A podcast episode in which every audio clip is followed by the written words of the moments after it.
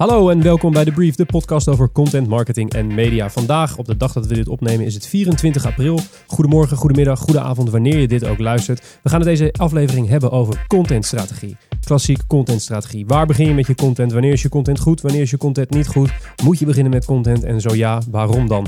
Uh, mijn gast weet daar alles vanaf. Ik heb ook nog een co-host bij me. We gaan het hebben over het nieuws. Het wordt een fantastische aflevering. Maar voor nu, let's get the show on the road.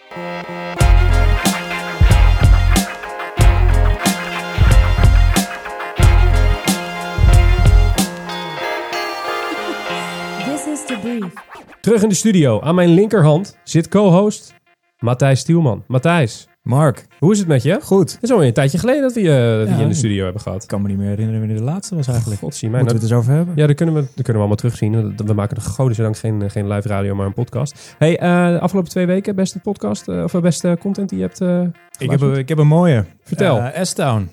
Dat is een, een, een podcast. Ja, ja, ja, ja, ja, een podcast. Nee, S-Town is een podcast van de makers van Serial en uh, This American Life. Uh, hopelijk kennen jullie die. Als je die niet kent, ga ze checken, want dat is gewoon podcast geschiedenis. Um, ja, en S-Town die past prima in dat rijtje. S-Town vertelt het verhaal uh, van journalist Brian Reed. Het is overigens allemaal echt gebeurd, dus um, ja, hou dat in je achterhoofd.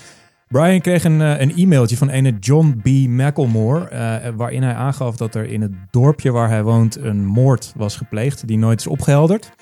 En um, ja, dat was nogal een bijzondere man. Brian was gefascineerd door, uh, ja, door, door John.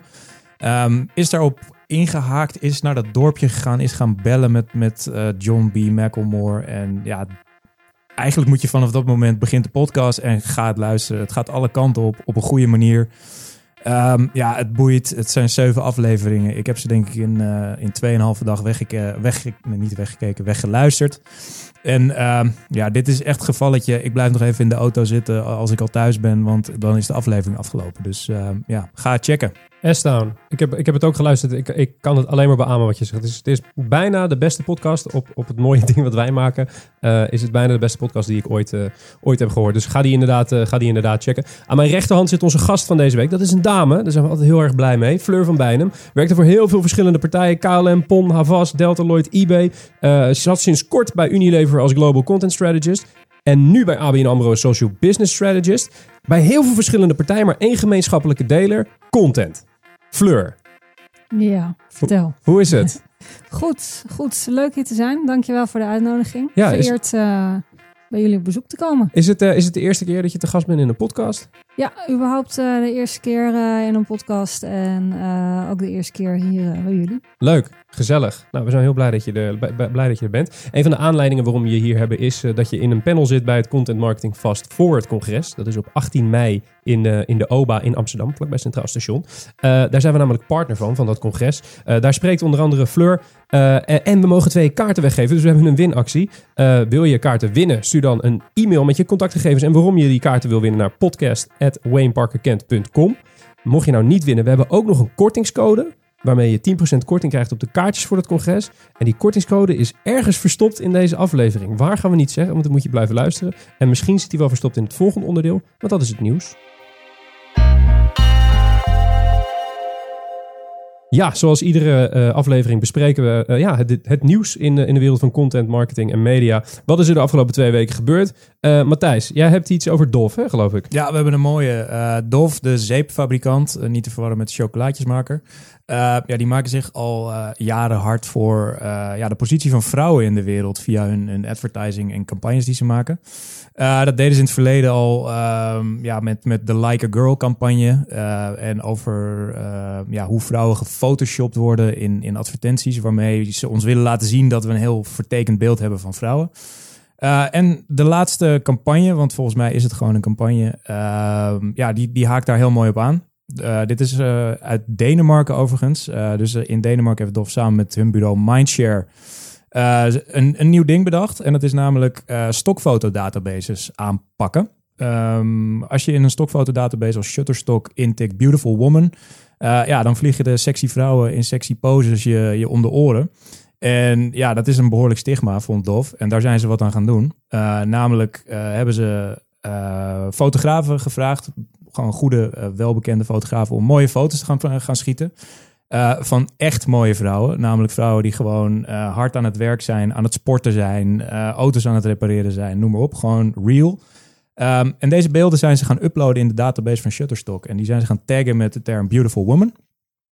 Gevolg was dat heel veel andere fotografen daar ook op aanhaakten. En ja, dat werd een dingetje. Uh, ze hebben zelfs merken zover gekregen om abris en dat soort dingen te plaatsen met deze stokbeelden. Om vrouwen op een mooie positie, of op, echte vrouwen op goede posities te laten zien. Um, ja, dus een prachtig initiatief, top plan.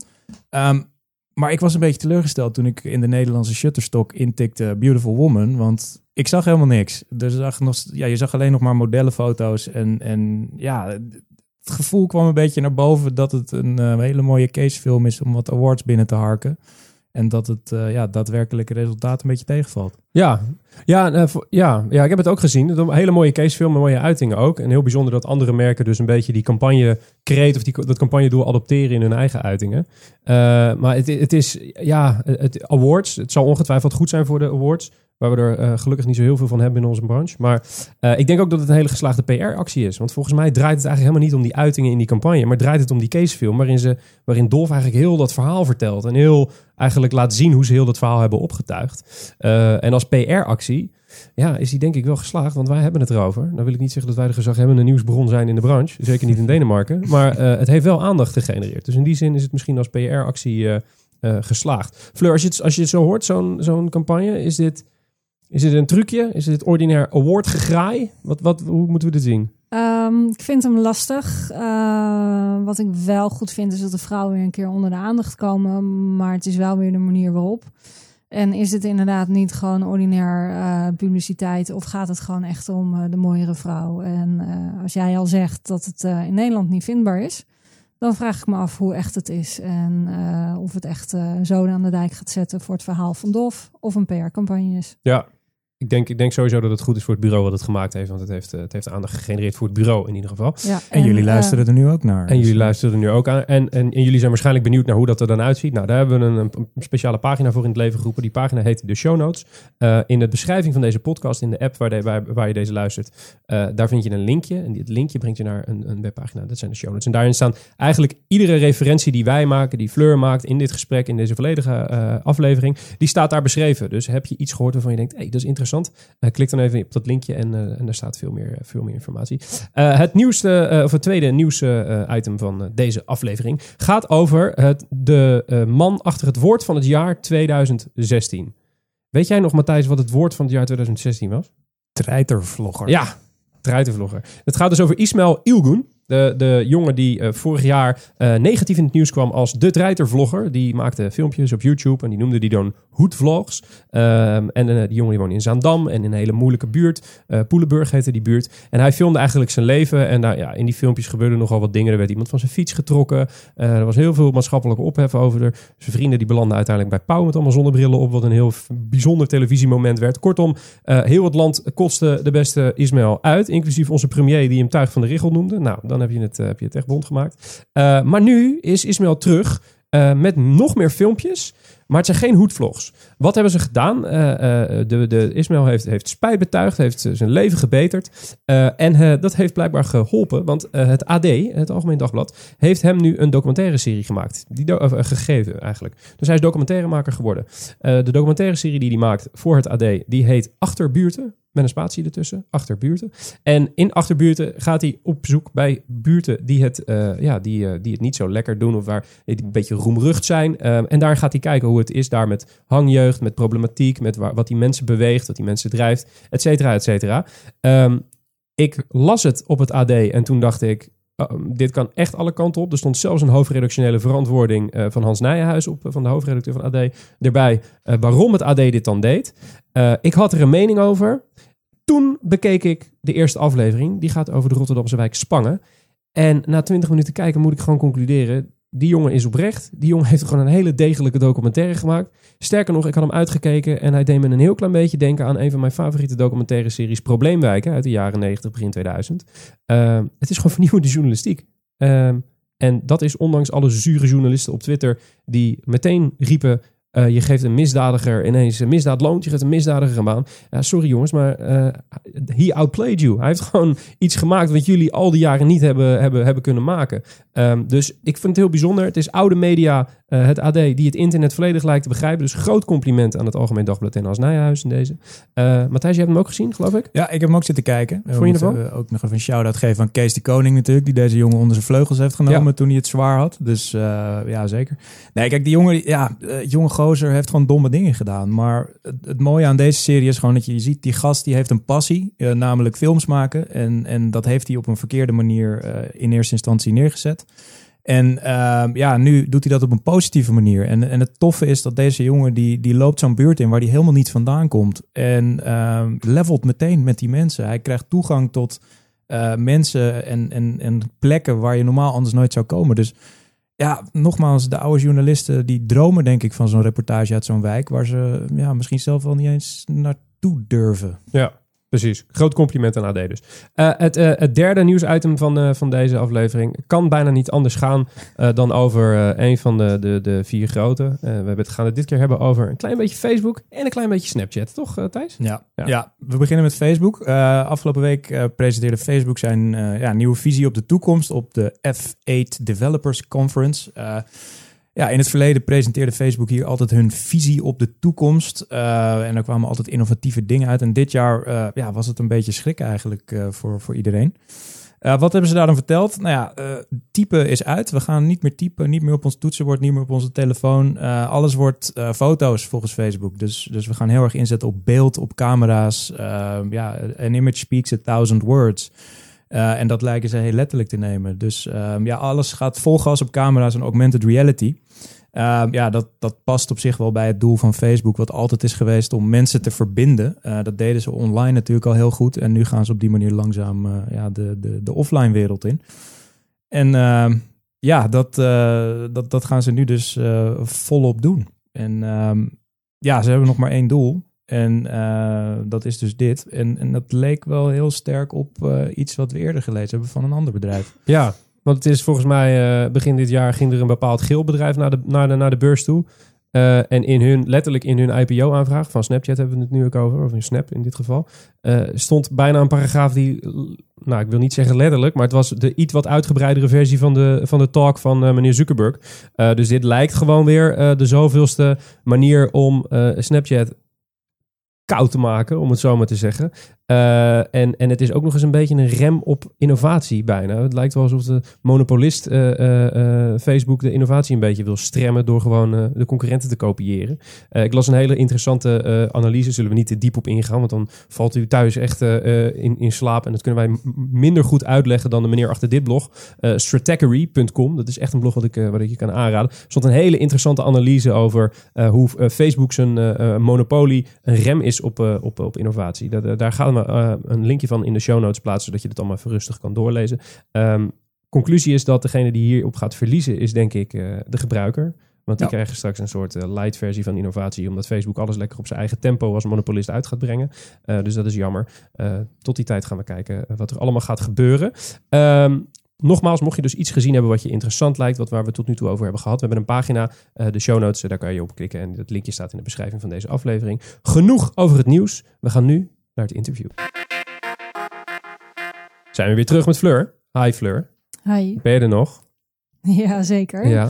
Uh, zoals, uh, zoals gezegd, je hebt op heel veel verschillende uh, plekken gewerkt. PON, eBay, KLM. En nu zit je bij, bij ABN. ik, kan, ik vroeg me heel erg af, als jij binnenkomt bij dat soort grote clubs op, op zo'n niveau, wat is je pitch? Wat, wat, wat, wat breng je bij, bij mij als groot bedrijf? Um, ja, als ik binnenkom bij een bedrijf, gaat het er eigenlijk om welk verhaal wil je vertellen als organisatie zijnde. En omdat ik juist zo ontzettend veel bedrijven van binnen heb gezien, weet ik als geen ander heel snel te zien hoe de hazen lopen, waar de content zit, waar de gaps zitten, waar de clashes zitten. Maar ook hoe je de verschillende afdelingen samenbrengt om te zorgen dat je een consistent verhaal gaat vertellen. Naar buiten toe, naar binnen toe. Hoe ga je erover rapporteren? En uh, naast een stuk strategie is het ook gewoon echt executie en uitvoering. Gewoon doen. En is er, is er dan een bepaalde, uh, want, want jouw expertise is contentstrategie, is het thema van deze aflevering logischerwijs. Is er een bepaalde uh, fase in dat proces waarin jij meestal instroomt bij die merken? Is dat bij het begin als ze nog niet, helemaal niet weten wat ze moeten doen? Of is dat... Nou, eigenlijk wat al die bedrijven wel gemeen hebben, is dat ze weten, wij willen iets met content, maar hoe we het gaan doen, geen idee. Wat ze ook allemaal hebben, is een stukje buy-in op senior management niveau. Dus ze weten wel dat ze het gaan doen. Ze hebben er geld voor vrijgemaakt. Ze hebben de resources voor vrijgemaakt. Alleen ja, de executie en, uh, en het grote wat nu, dat is altijd de vraag die bij mij komt. En, en wat is dan vaak jouw antwoord? Wat is dan de eerste stap als zo'n ABN zegt, oh, we, we, we hebben geld, maar we weten eigenlijk niet zo heel goed wat we, ermee moeten? Um, eigenlijk begin ik gewoon helemaal met de basics. Fixing de basics. Vaak uh, komen ze bij me van, uh, ja, we willen wat met content en snel en veel en uh, vooral heel veel versnellen. En ik zeg eigenlijk, nou jongens, zullen we eerst die basis neer gaan zetten. En 80% van mijn tijd ben ik bezig met de basis. En 20% is eigenlijk het staartje om echt te gaan excelleren. En, en wat is dan die, kan je een omschrijving geven van die basis? Um, basis komt er eigenlijk op neer dat uh, als een bedrijf, als je content maakt, dan ga je uh, vertellen wie je bent, wat je drijft, je passie, je purpose, je missie, je visie. Waarom doe je wat je doet en wat makes you smile? En uh, ja, hoe breng je dat verhaal naar je klant en naar je fan? En als je dat niet goed helder hebt en uh, omschreven, hoe praat je, hoe zie je eruit, uh, wat zijn de woorden die je gebruikt, maar ook wat zijn de onderwerpen waar je over praat ja, dan is het eigenlijk uh, all over the place. En dan ben je op korte termijn wel succesvol, maar op lang termijn wordt het eigenlijk een zootje. Ja, ja contentstrategie roepen wij ook altijd. is toch wel een beetje een lange termijn, lange termijn plan. als je kijkt naar, los van die korte termijn, lange termijn misvatting, zijn er andere misvattingen die jij ziet bij grote klanten waarvan je denkt, hoe, hoe, hoe, kan het dat men nog steeds zo over content denkt? content wordt vaak alleen bij social neergelegd, terwijl content een wat breder verhaal is. Um, je wilt je verhaal naar buiten brengen en social is eigenlijk een kanaal dat je gebruikt om te seeden. En niet zozeer een doel op zich. Dus als ze bij me komen, wij willen wat met Facebook of met Twitter of met Snap of met Insta. Ja, dan ben je eigenlijk puur in kanalen aan het denken en niet zozeer in content en in je verhaal aan het denken. Ja, dus dat is bijna zou je kunnen zeggen, het probleem is dat er überhaupt geen contentstrategie is, maar dat men gewoon aan het produceren is. Al. Een beetje hetzelfde als vroeger, uh, ik wil een app. Ja, ja, ik wil iets met social media. Ja, precies. Hey, zijn, er, eh, zijn er partijen in de markt die je nu, nu op dit moment ziet waarvan je zegt, die hebben het goed begrepen? Uh, toch wel een aantal grote publishers, met name in uh, Engeland en Amerika. Die snappen wel hoe het, uh, hoe het werkt. En er zit ook meer op het, ja, zoals we al eerder hadden besproken, het open source delen van informatie wat drijft je, maar ook ja, waar gaat het eigenlijk om in je industrie? Wat zijn de trends? Wat is er aan het gebeuren zonder dat je meteen wat wilt verkopen? En heb je, heb je een heb je een partij die eruit springt waarvan je denkt, daar moeten mensen wat meer van gaan bekijken? Voor binnen het vak is het uh, toch wel uh, DigiD en Contently. En die, die maken gewoon goede artikelen, hebben een hele fijne nieuwsbrief waarbij je eigenlijk direct kan scannen al in de subject line. Is het interessant? Is het niet interessant? En vanuit daar klik je dan door naar de site en lees je. En eigenlijk hebben ze hem ook weer zo ingericht dat je door blijft lezen. Ja. Ja, ik weet toevallig, Matthijs, jij bent volgens mij ook redelijk fan van Contently, hè? ja, zeker. Mijn mailbox strand bijna dagelijks vol met dingen die je doorstuurt. Wat, wat, wat is volgens jou wat maakt het op strategisch vlak zo goed? Wat ze nou, doen? wat zij doen is zij, ze delen gewoon heel veel. Uh, Contently is een bedrijf wat enerzijds uh, tools levert waarmee je je content kan meten. Anderzijds hebben ze ook heel veel. Uh, ja, ze hebben een hele grote database van freelance schrijvers, toch, Fleur? Ja. ja. Um, en wat zij doen is, zij delen gewoon hele mooie insights daaruit. Dus, dus informatie uit de markt uh, komt op die manier naar je toe. En uh, daar leer je gewoon heel veel van. En ik merk nu stiekem ook dat je ja, in de zoektocht naar uh, de beste KPI-mate tools voor content, ja, ga je stiekem toch in één keer even dat je gesprek aan. Je neemt ze wel mee, ja. Ja, precies. En dan ga je toch, dat, toch je e-mailadres maar even invullen om toch een keer die call met ze te doen, om te kijken hoeveel het kost. En, en ja, je gaat er gewoon heel langzaam in. En, ja. wat ze slim doen is, zij claimen hun leadership op het gebied van content. En omdat zij hun leadership hebben, uh, ga je daar eigenlijk als uh, fan of als klant ga je daarin mee. En ben je eerder genegen om hun product te kopen. Ja, het uiteindelijke, het uiteindelijke doel inderdaad wat, er, uh, wat erachter zit. Ja. ja. Hey, Fleur, als je, um, ja, je, je zei net al, je gaat een bedrijf in om, om een contentstrategie te bouwen. Um, ja, wat, wat zijn nou echt de vereisten, zeg maar, om een, tot een goede strategie te komen? Uh, vereist is dat je als merk weet wie je bent en waarom je doet wat je doet. Uh, klinkt heel makkelijk. In praktijk is het uh, toch vaak wel lastig voor een bedrijf. En wat is je passie? Wat is je purpose? Ehm, op het moment dat jij als bedrijf vanuit je hart en je energie kan vertellen waarom jouw producten de beste zijn, de mooiste zijn, de leukste zijn, ja, verkoop je toch een stukje makkelijker dan als je zegt ik ben de goedkoopste of eh, ik heb het mooiste ditje of het mooiste datje. Het gaat erom wat de toegevoegde waarde is van jouw producten, maar je maakt wat je maakt. En wat is jouw enthousiasme en je passie daarvoor? En als je dat als bedrijf niet weet in essentie, ja, dan ben je eigenlijk niet goed bezig. Dat Ja. lijkt me ook een, een bedrijfsbreed probleem bijna. Ja. Van dat je eigenlijk niet weet waarom je doet wat je doet. Ja, Dat- maar content is ook bedrijfsbreed. Het is meer dan alleen maar social of een post op Facebook of eh, Twitter. Ja, hoe, hoe haak je dan die verschillende, ben ik volledig met je eens overigens, dat, dat die, al die pijlers dienen erin betrokken te worden. Hoe, hoe haak je al die, al die hoe, hoe haak je corporate comms en PR en customer service? Ik kan me heel goed voorstellen namelijk dat als jij ergens binnenkomt en zegt, luister jongens, ik weet dat ik nu met de, met de chef marketing praat, maar eigenlijk moeten we ook de chef eh, eh, En- PR en, en- en- die moeten we erbij en die moeten erbij, dat mensen dan een beetje gaan stijgeren. Eigenlijk wat ik doe in de eerste twee, drie weken dat ik binnen ben, eh, koffie drinken, koffie drinken, koffie drinken en koffie drinken. Je slaapt heel weinig dus. Ja, ik slaap heel weinig. En ehm, het is vooral heel veel praten met mensen om te kijken waar eh, hun behoefte zit, hoe ik hun kan helpen. En ondertussen denkend vanuit het grotere plaatje, hoe kan ik het bedrijf en het merk helpen om eh, dingen neer te zetten. En ik kom vaak ook niet vanuit één afdeling binnen, maar meestal hang ik direct onder de CMO of de CEO. Om te zorgen dat eh, dingen in beweging komen. Is dat ook een vereiste dat je op dat niveau zeg maar ingezet wordt? Eigenlijk wel, want als je niet de backup van het hoogste management hebt, dan gaat het niet lukken. En het is, ehm, als je boven je nog drie of vier lagen hebt die eigenlijk allemaal ook weer hun eigen voorkeuren en dingetjes hebben, ja, dan lukt het niet. Want ik handel uit naam van het merk en de producten en niet vanuit een department of een afdeling. Ja, ja. Ik kan me wel voorstellen dat als je met zoveel verschillende afdelingen praat, dat, dat een mediabudget is, is vaak ook gesegmenteerd. Terwijl je eigenlijk, ja, dat wil je eigenlijk gewoon vanuit één ding doen, toch? Het lijkt me dat, dan, Klopt. dat er dan een mediabudget probleem is bijna. Omdat iemand denkt, ja, ik heb net deze campagne gedaan met mijn potje en die campagne gedaan met dat potje. Dat, En eh, nog een potje en nog een potje.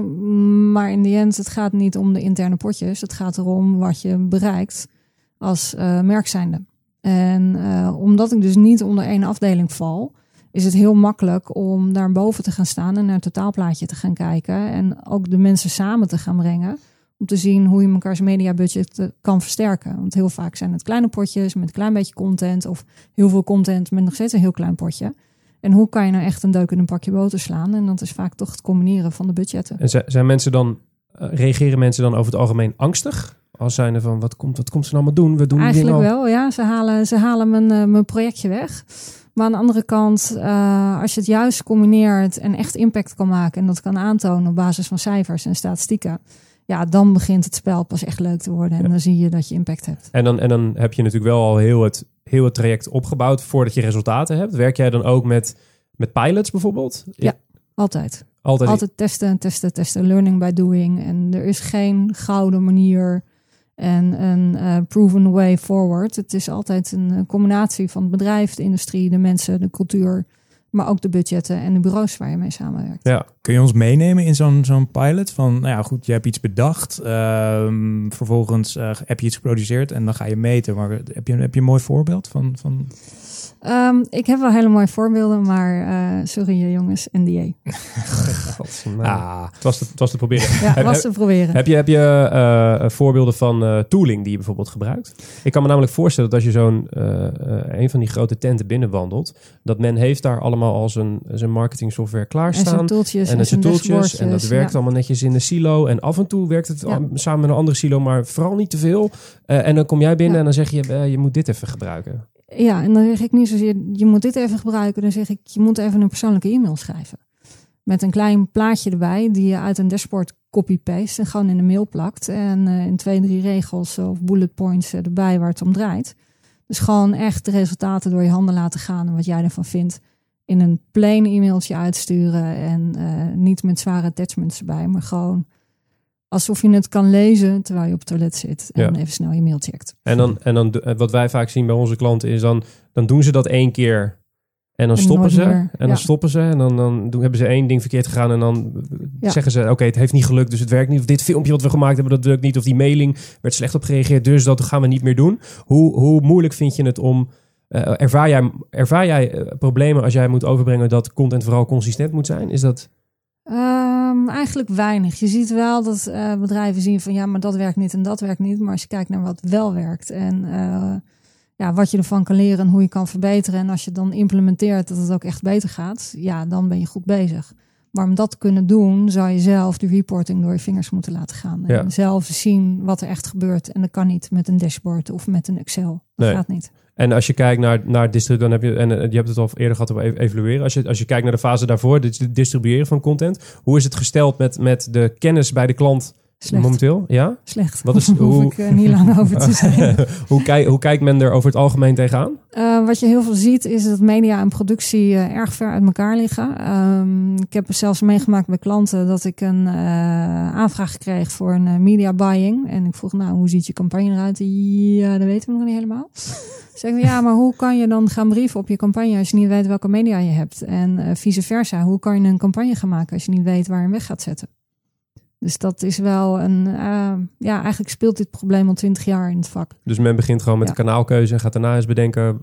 Of begint met content en gaat daarna bedenken waar ze hem weg gaan zetten. Ja. Het gaat om de combinatie. Ik denk een heel mooi voorbeeld van die silo's waar we het net over hadden. Dat iedereen denkt aan zijn eigen stukje en Ja. eh, verder Me- niet aan. media buying en productie van content liggen vaak eh, mijlenver uit elkaar.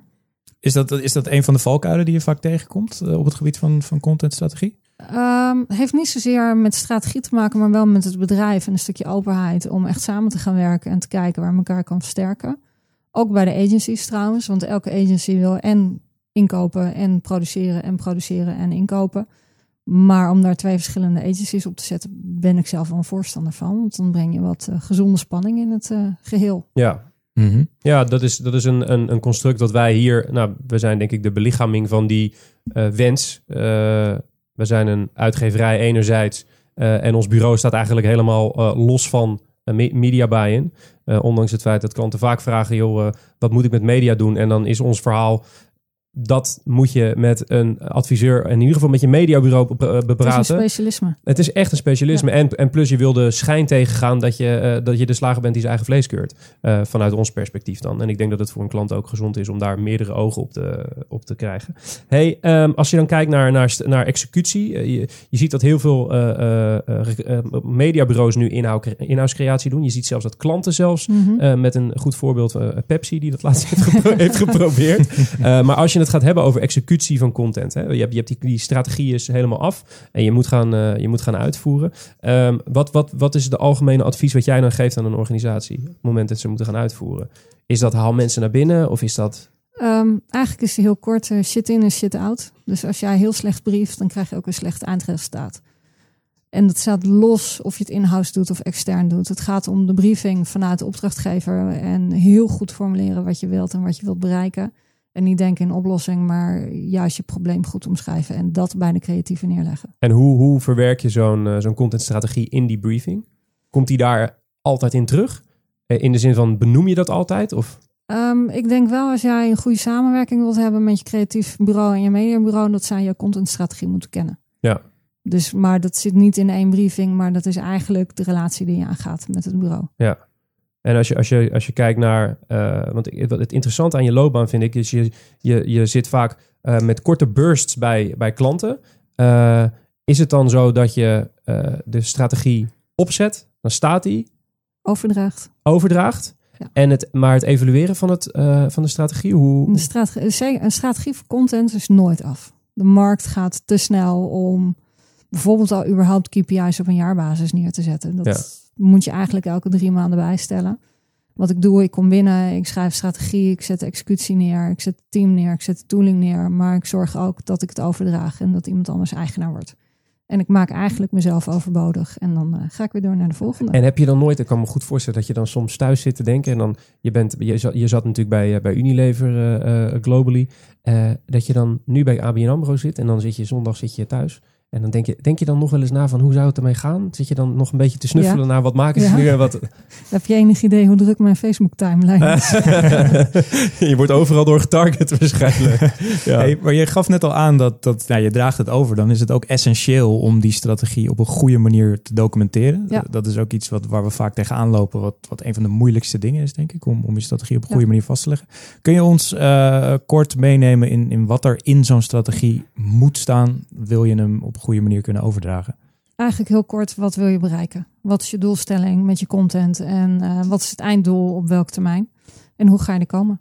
En het liefst in een one-pager. Dus hoe korter, hoe beter. Dan vinden mensen het ook nog leuk om te lezen. Ja, of alleen maar naar te kijken. Dus nog makkelijker. Een Ja. plaatje. We En hadden het er al over hè, in Ja. het nieuws. En hij, en hij belandt niet zomaar in een bureaula waarna nooit niemand ernaar kijkt omdat hij zo dik is. Ehm, als je eh, kijkt naar de, de definitie van een succesvolle contentstrategie. eh, wat zijn eh, KPI's of, of metrics die jij onder andere gebruikt om zo'n, om succes te meten? Vind ik een lastige vraag. KPI's gaat erom, eh ook in de branche en het bedrijf zelf. Wat voor het bedrijf op dat moment belangrijk is. De een wil veel volgers, de ander wil veel engagement. Een derde wil veel leads. een vierde wil weer wat anders. Een vijfde wil iets wat niet te meten is.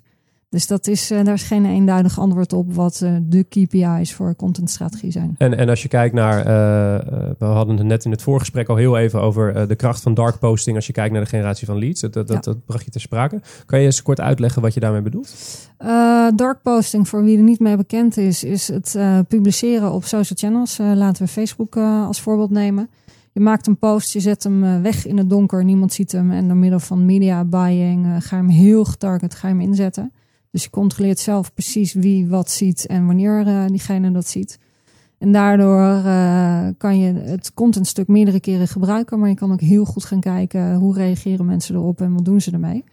En juist de dark posting voor lead generation kan wat commerciëler zijn. Eh, kan je echt leads uitgenereren, aanvragen uitgenereren of producten verkopen. Maar dat kan alleen als je ook een heel stuk content ernaast hebt staan die eh, de passie en de emotie van je merk en eh, je producten vertellen. Ja, zodat men eh, soepel van conversiegericht ook op je branding kan, kan uitkomen. Ja, of andersom. Ja, als, je, als je kijkt naar eh, ehm, eh, de funnel in klassieke vorm, zei je nog iets interessants net. Dat zei je, eigenlijk moet je klant op ieder plekje van de funnel in kunnen stappen. Als je kijkt naar content. Ja. Vertel, want ik denk dat er heel veel mensen nu zitten te luisteren en die zeggen: nee, we hebben het zo overzichtelijk en- gemaakt en- met dat en- driehoekje. Ja, alles komt er bovenin en is er aan de onderkant uit en dan hebben ze een productje in hun handen. Ja, Eh, en eh, wat nou als iemand eh, halverwege instapt en een gave post ziet? Die zou je toch ook aan het handje mee moeten kunnen nemen om er vervolgens die funnel door te leiden. De content is nooit lineair en eh, je kan veel controleren, maar niet alles. Je moet gewoon zorgen dat iemand op elk moment van de funnel kan instappen en geraakt wordt door jouw boodschap. Helder. En hoe doe je dat dan in, in content? Is, dat, is daar nog een, een soort magic trucje voor? Of is En de dat... grootste magie is eh, passie. Passie van het bedrijf voor het product, waarom je doet wat je doet. En eh, als je dat weet over te brengen met een boel enthousiasme en eh, ook echt vanuit je hart vertelt als bedrijf zijnde, dan eh, denk ik dat je de helft van de race al gewonnen hebt. Als je, als je kijkt naar. eh, als je kijkt naar. Kijk, nu, nu is contentstrategie. Is men begint het, godzijdank, serieus te nemen.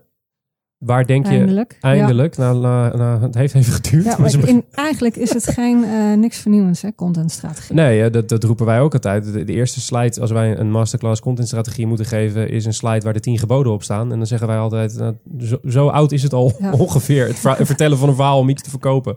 Eh, eh, dus dat is heel gek. Maar als je kijkt naar dat het nu eh, eindelijk serieus genomen gaat worden. Als je nou verder naar de toekomst kijkt. Je hebt heel veel tenten van binnen gezien. Als je verder naar de toekomst kijkt, wat voor rol gaat, gaat een contentstrategie dan spelen in het volledige Marcom spectrum bij een organisatie over tien jaar? Eh, voor mijn gevoel wordt het eh, belangrijker en belangrijker. Je ziet dat mensen eigenlijk steeds meer met mensen willen gaan connecten. Als merk zou je dus ook moeten zorgen dat je menselijk bent. En dat kan eigenlijk alleen maar door content en het vertellen van je verhaal. En het mooie aan eh, deze tijd is dat eh, elk bedrijf nu alle middelen heeft om het eh, te communiceren. Je hebt je eigen site, je hebt je eigen channels. Vroeger moest je daar allemaal media voor inkopen en moeilijk doen. En nu kan je het gewoon allemaal zelf publiceren en in eigen hand hebben. Dus daarmee ga je eigenlijk als merk zijnde een beetje weg van alleen maar marketing. Maar het wordt een combinatie tussen publisher en marketing. Ja, zodat je iedere euro die je eruit gooit niet per definitie helemaal weg is, maar hopelijk Ja. ergens nog een keertje wat gaat opleveren in, in, in investering. Ja. Merk, merk je nou ook dat, dat dit is een soort ideaalbeeld dat wij als content marketeers hebben? Dat, dat- stel je Ja. vertelt dit tegen, drie maanden is het weer heel anders. Er staat de markt er anders voor. maar stel je, Ja. je vertelt dit verhaal tegen een, een CEO of een CMO van een bedrijf. Wat, wat- is dan de reactie die je daar meestal op krijgt? Ja, die zeggen, ja, dat willen wij ook. Maar hoe? Ja.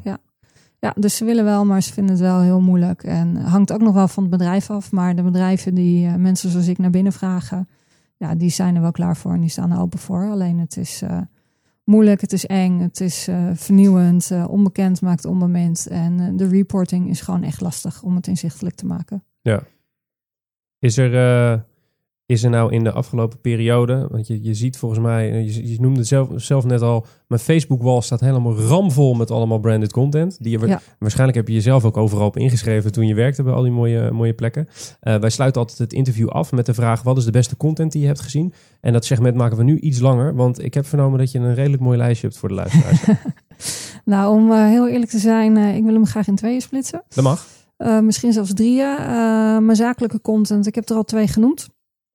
Nou, eh, om aan toe te voegen, ook voor jullie eh, jongens, eh, deze podcast, eh, die hoort er ook bij. Yes. Kijk, Kijk, score. En ehm, zakelijk haal ik eigenlijk alles binnen via nieuwsbrief en via Facebook. Daar eh, ben ik eerlijk in. Misschien mijn nieuwsbrieven nog ietsje meer.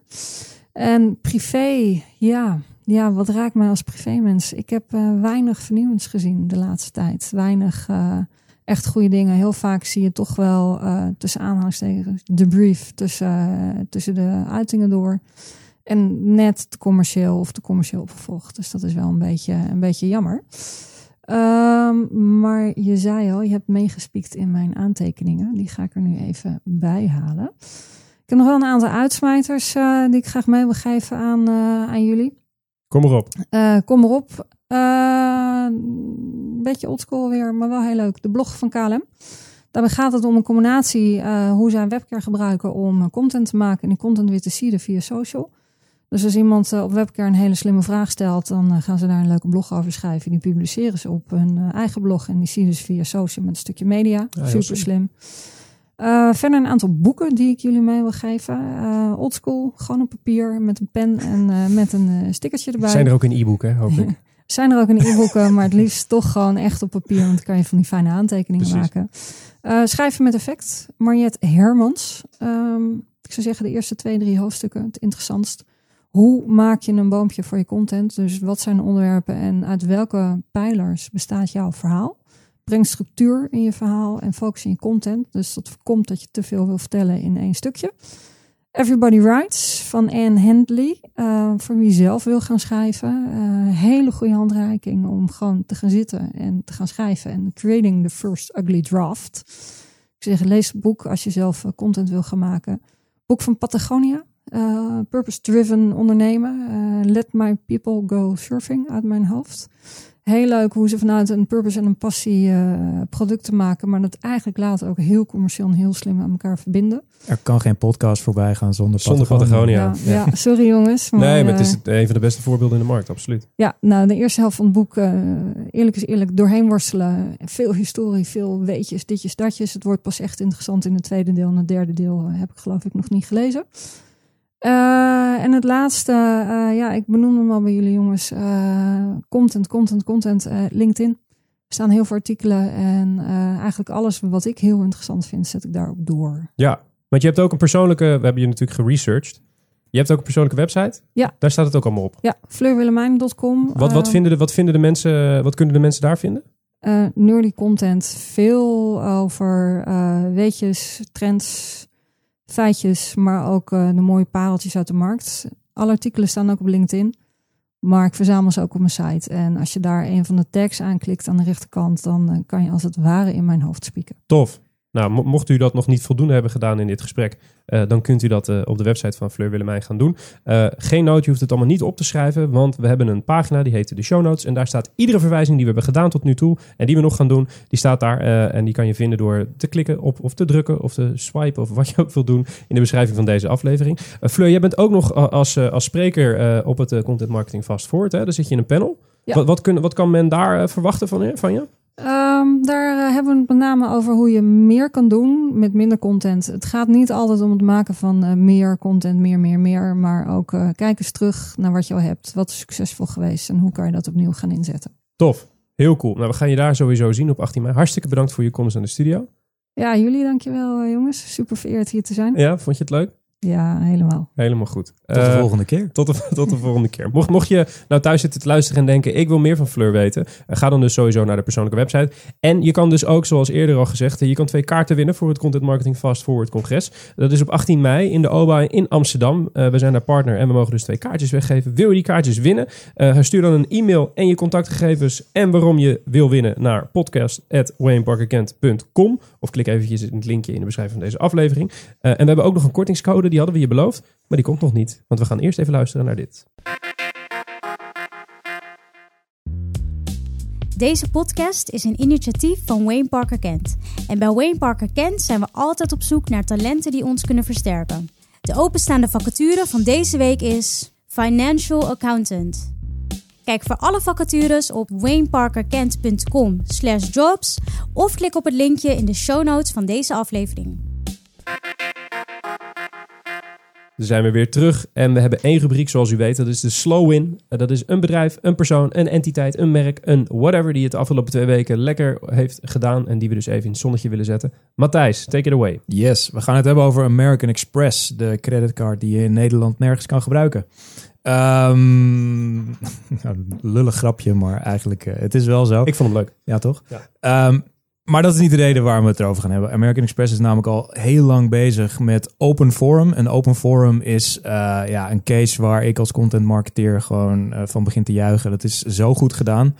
Eh, wat is Open Forum? Eh, dat is een platform voor kleine ondernemers. Eh, dit forum werd in 2007 al gelanceerd en staat te boek als de grootste bron van, ehm, ja, hoe zeg je dat, nieuwe leads voor American Express. Ze verkopen daar gewoon de meeste creditcards door. Ehm, ja, wat is dat dan precies? Ik zei het al, het is een, een platform voor kleine ondernemers. Maar ze hebben één doel heel helder geformuleerd. En dat doel is kleine ondernemers helpen succesvol te worden. Want als de ondernemer groeit, verdienen ze meer geld. Als je meer geld verdient, kan je meer uitgeven. En als je dat dan met een American Express kaart doet, is iedereen blij. Ehm, en ik denk in deze focus van dat platform, daar, daar ligt echt het succes van, van Open Forum. Uh, hoe zijn ze daartoe gekomen? Um, nou ja, in, een, in een onderzoek wat ze aan het begin, uh, dus dat zal ergens 2006, 2007 geweest zijn, uh, ja, hebben ze een onderzoek gedaan. Uh, daar kwam uit dat kleine ondernemers heel veel behoefte hadden aan, ja, hoe werkt social media nou eigenlijk? Daar, daar begrepen ze niet zoveel van, hoe konden ze dat nou inzetten voor hun bedrijf? Hoe worden ze daar beter van? Um, American Express die sprong daar volop in en is content gaan creëren waarin ze uitlegden hoe kleine ondernemers ja, via social hun business konden laten groeien. Um, ja, dat werd zo'n succes dat het platform is gaan groeien en groeien. Uh, inmiddels is het uh, ja, vele malen breder. Dus het gaat over, uh, ja, over marketing en, en ook over social. maar ook over algemene business strategy, over geldzaken uiteraard. Maar ook over het bouwen en managen van teams en andere HR-gerelateerde dingen. Dus het is een hele mooie resource geworden voor, voor kleine ondernemers. Um, als je het leest, ja, die content die zou echt niet misstaan op titels als, als Forbes, uh, Business Week, uh, Harvard Business Review, uh, durf ik zelfs wat te noemen. Dus het is kwalitatief echt heel goed. Er wordt niet op bezuinigd. Ze maken echt mooie dingen, echt heel interessant. Um, dus dat is hartstikke mooi. Um, maar ja, ik hoor je denken, hoe levert mij dit dan nieuwe klanten op? Nou ook daar hebben ze gewoon iets heel moois op gevonden. Uh, ongeveer 75% van hun content uh, is uh, ja, gemaakt voor awareness, om mensen in die funnel te krijgen, waar we het net al even kort over hadden. mensen vinden dat via SEO, het wordt gedeeld, ze komen daar op, op wat voor manier dan ook binnen. het is altijd waardevol, het is altijd goed geschreven. Um, ja, dus, dus ze komen daar uh, op een gegeven moment krijgen ze een prompt van, nou ja, even, wil je meer van dit? Uh, schrijf je nu in voor de nieuwsbrief en ontvang een exclusief e-book of een whitepaper met hele specifieke dingen die je kunt leren die ook weer bij je bedrijf passen, waar je nog slimmer van wordt als ondernemer. maar ja, dan geef je in ruil daarvoor je naam, je e-mailadres en eventueel nog wat andere gegevens. Dus op dat moment ben je gewoon een prospect voor American Express. Uh, hoe overtuigen ze je dan om dan toch echt die kaart te gaan kopen of, of krijgen, of hoe dat ook werkt met creditcards? Um, er zitten af en toe ook gewoon cases in van ondernemers die um, ja, door een Amex-kaart te gebruiken of, of door de, de facilities die American Express biedt uh, te gebruiken, succesvol zijn geworden. Het is gewoon een hele, hele platte showcase van nou, dit is ons product, Piet heeft dit zo gebruikt en Piet is nu heel succesvol. Um, ja, dus dat is allemaal hartstikke mooi. En, en dat doen ze niet te vaak, maar ze doen het wel. En het kan ook wel, omdat ze die balans zo goed onder, uh, onder controle hebben.